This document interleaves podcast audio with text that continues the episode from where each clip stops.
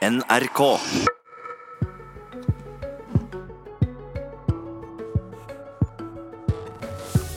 KrF-lederen med knallhardt angrep mot miljørørsla mener deler av den avviser at mennesket har egenverdi, og sier det er ikke skil mellom menneske og dyr. Det drøyeste jeg har hørt fra Ropstad, svarer Bastholm i MDG.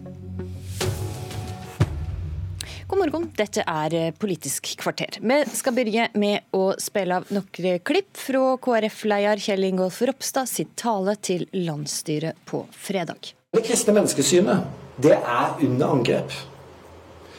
Det er noen andre ideer som er i ferd med å få fotfeste i den vestlige verden og i Norge.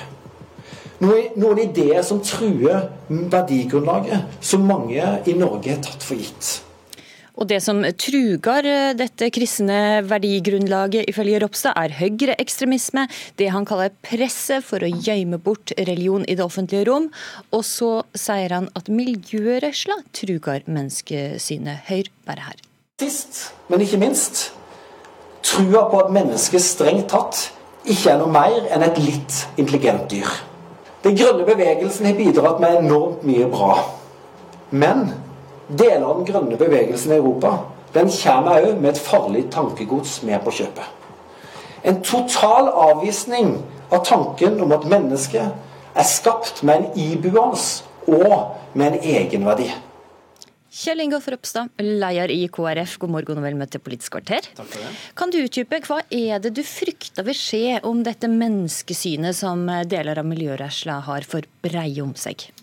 Jeg kan bruke to, to, eksempler. Eh, det første er jo at eh, dersom en visker vekk, eller gjenger vekk fra at mennesket har en ibuende egenverdi og, og, skapt med det, eh, så frykter jeg at konsekvens Eller du må jo erstatte det. Hva er det som gjør at alle mennesker har samme verdi? Du må erstatte det med noe annet.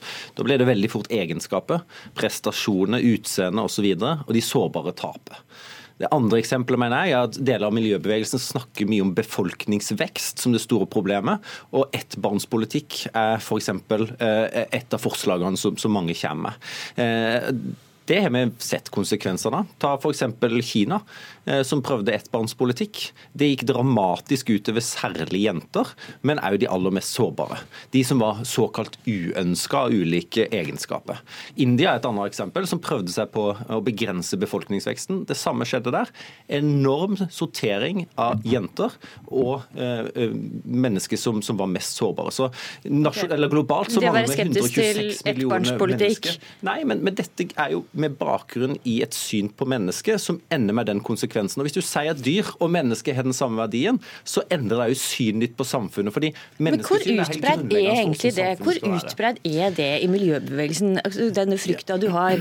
Hvor, hvor, mange i miljøbevegelsen er det som mener at mennesket ikke har noe eierverdi? Jeg håper jo det er færrest mulig. Eh, og som jeg sa i min tale, så var det jo deler av miljøbevegelsen i Europa jeg viste til.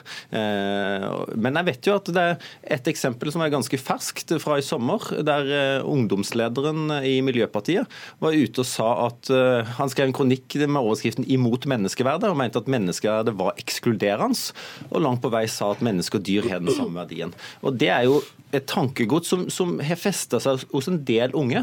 og Derfor så er jo min utfordring òg at eh, MDG, som et veldig viktig miljøparti, som har bidratt med mye positivt for å løfte klimasaken, òg tar en kraftig avstand fra den tanken. Ja, fordi at Du sier rett og slett at du er bekymra for tankegangen til MDG også her hjemme. Hva, hva konkret er det som gjør deg uroa? Altså, uten gjeng tilbake når menneskerettighetene ble skrevet, da, så sa FN veldig tydelig at en forutsetning for fred og frihet det var at alle alle mennesker hadde en iboende verdighet og egenverdi. Og hvis en gjenger vekk fra det, de, de, visste jo for så vidt òg hva de snakka om. og Hvis en gjenger vekk fra det, så frykter jeg at synet på ulike eh, politiske løsninger blir annerledes. Det kan være bioteknologi, det kan være aktiv dødshjelp, men det kan òg være sånn som disse tiltakene jeg snakka om, eller de mest verste eksemplene. Men Sier du at det er et forskjell på MDG og, og KrF sitt menneskesyn? Eh, nå kan jo MDG få lov å definere hva de legger til grunn. Vi har det kristne menneskesynet til grunn. Men hvis du frykter MDG sitt menneskesyn, så må du jo altså, si at det er en forskjell? Det jeg har registrert ut fra tidligere debatter, da, er jo at eh, MDG langt på vei sidestiller iallfall mennesket og naturen. Uh, jeg mener jo at mennesket er skapt unikt til å få forvalte naturen. og Der kan du si mye om at mennesket ikke har vært gode nok til å forvalte. og Denne talen jeg holdt handler jo mye om klima, og viktig det er at KrF må være offensiv på klima. Men, men det at en, en la et tankegods feste seg i deler av miljøbevegelsen i Europa, så er det iallfall viktig at den ikke gjør det i Norge. Ok, Une Bastholm, nasjonal talsperson for MDG. Du sier til Vårt Land at du rett og slett fikk hakeslepp da du hørte dette? Ja, det her er jo temmelig hårreisende. Um, og det er såpass uredelig, og det er en såpass splitt splittende type retorikk som vi ikke har sett fra KrF på veldig lenge. Eh, som vi allerede har nok av i regjeringa, mener jeg. Eh, at jeg har jo krevd også at Ropstad måtte forklare, fordi du kan jo ikke konstruere en fiende på en måte bare for å prøve å komme med et poeng. Altså, Den grønne bevegelsen i Europa har jo knust brutalt de kreftene som skulle måtte mene at menneskeverdet ikke skal ha høy verdi. Altså I den grad det finnes noen som, som også er opptatt av miljø, som ikke mener at menneskeverdet Eh, skal stå sterkt. Eh, så kjenner ikke jeg dem, og jeg har ikke sett dem, har ikke møtt dem, men jeg har kanskje lest om dem. Det er så marginalt. Det så det er ingen i miljørørsla som sidestiller menneske og dyr? Nei, altså, Hva betyr det, da? Ikke sant? Den ene teksten for eksempel, som eh, Theodor Bru har skrevet, og som han skrev i sommer i en veldig lang kronikk Som en nasjonal talsperson for Grønn ungdom? Ja, eh, En filosofisk tekst som handler om begrepet menneskeverdet.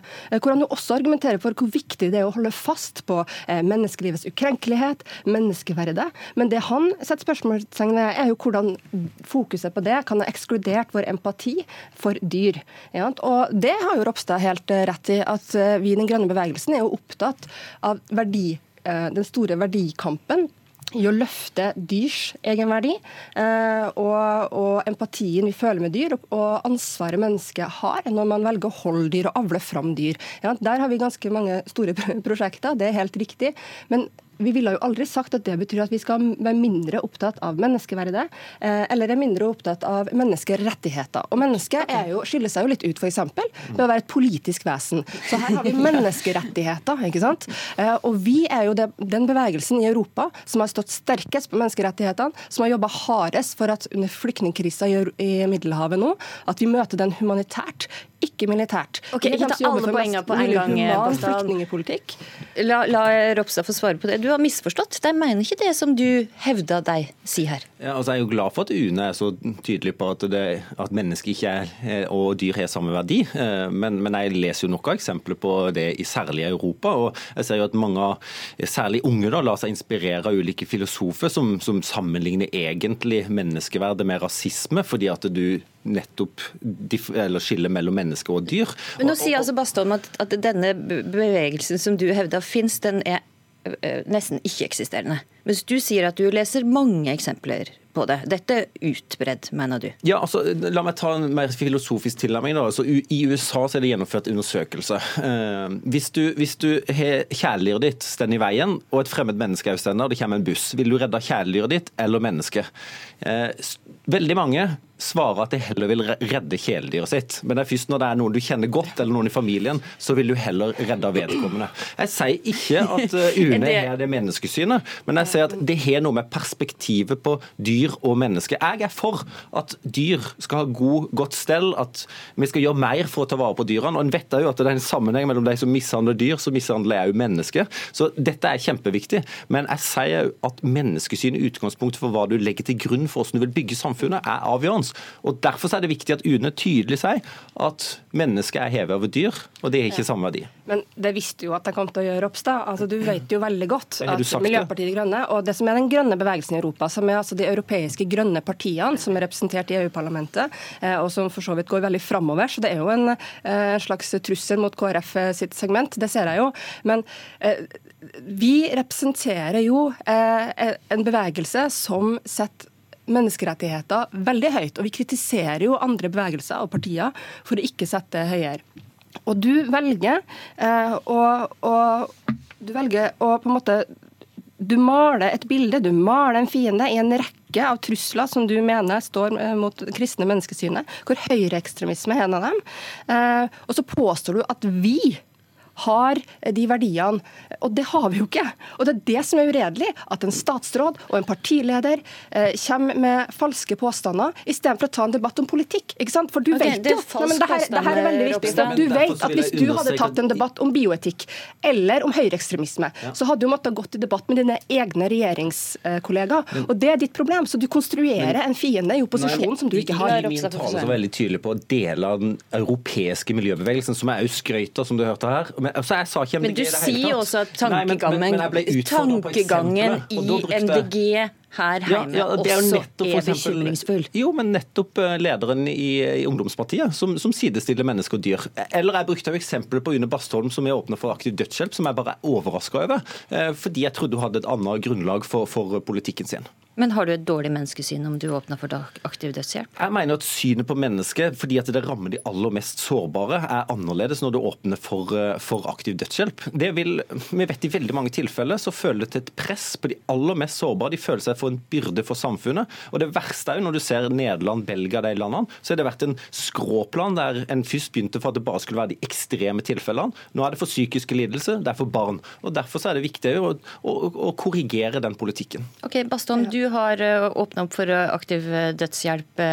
Det betyr at du har et dårligere menneskesyn, sier Ropstad? Altså, Ropstad kunne ha invitert meg til en debatt om aktiv dødshjelp eller om bioetikk, for den saks skyld, men det er ikke det han har gjort. Han har stått foran sitt parti og sagt at det finnes fire store trusler eh, mot det kristne menneskesynet. Eh, og så nevner han høyreekstremisme først, og så kommer han med den, med den grønne eh, Ja, OK. Og, og, så den grønne bevegelsen til slutt. Um, og hvor da grunnen til Og det her, er jo, det her mener jeg er det virkelig problematiske. for det Han sier at grunnen til at vi eh, skulle, skulle, ende med et annet resonnement eller en annen konklusjon i f.eks spørsmål om bioetikk eller aktiv dødshjelp, er at vi likestiller dyr med mennesker.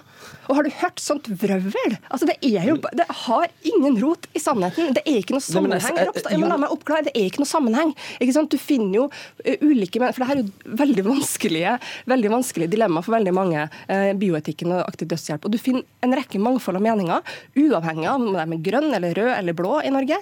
Og du finner et mangfold av meninger også i De grønne, helt uavhengig av synet men, også på dyrevelferd. Men, det er et grunnleggende problem at når du sidestiller verdien, så kan du få et menneske som, er, eh, som, som er svært sårbart, som, som, kanskje ikke kan prestere på lik linje med andre, og så kan du ha et dyr som betyr ja, noe for deg. Og når verdien til dyret egentlig langt på vei blir høyere enn et menneske, det er fatalt. Jeg, jeg, jeg, tror faktisk ikke vi kommer lenger enn dette. Une Bastholm, Kjell Ingolf Ropstad, takk for at jeg kom til Politisk kvarter. Så går vi over til det. Kommentator i NRK, Lars Nehru Sand. Hvor tenker du eh, KrF tjener på et slikt angrep eh, som det kommer her på miljørørsla og på MDG? Det synes jeg er veldig vanskelig å si, fordi eh, man kan jo si at eh, KrF i hvert fall får snakke om menneskeverd. Det er en eh, sak og et ord som, som eh, samler i partiet, som vekker begeistring eh, blant mange KrF-medlemmer og velgere. Men eh, jeg tror innfallsporten her er også egnet til å ekskludere en del som syns dette blir en litt for teoretisk diskusjon. Jeg syns også det er rart valg av både sak og hovedmatstander i en tale hvor det kanskje var vel så interessant å, å, å trekke frem at eh, Ropstad var veldig tydelig på hva KrF skulle gjøre om iskanten, og blokkere Frp sine standpunkt der i, i regjeringsbehandlingen av den eh, saken. Så han skulle kanskje heller vært i Politisk kvarter om det. Ja, for det, Da Hareide var partileder, så var det mange tøffe debatter mellom KrF og Frp. Eh, Ropstad har vært relativt, eller mer stille i båten eh, da det har vært internt bråk i regjeringa. Prøver han nå å lage MDG til en ny hovedmotstander, eller hvordan er dette?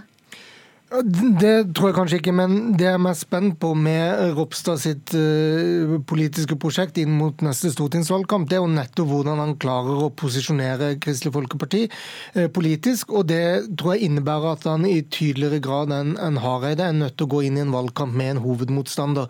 Nå går han jo inn i en valgkamp sannsynligvis, da får vi tro, som leder for et parti i regjering, så det avgrenser jo litt hva slags hovedmotstander man kan, kan ha. Men det jeg kan forstå, som dette på en måte er et eksempel på den debatten vi har hørt, det er at KrF kan posisjonere seg bedre hvis man ikke prøver å finne konfliktakser som handler om rød og blå, eller venstresiden, høyresiden, men en mer eh, verdiorientert eller identitetspolitisk orientert akse i, i politikken. og Det, det er dette eh, angrepet her en, en, et eksempel på. Men veldig kort til slutt, Hvem skal være hovedmotstander til KrF hvis det ikke skal være MDG?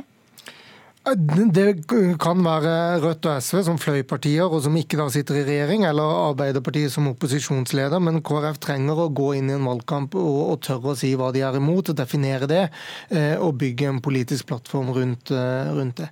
Takk, Lars Nehru Sand, for at du var med i Politisk kvarter, som denne morgenen var ved Astrid Randen. Nå fortsetter Dagsnytt og Nyhetsmorgen.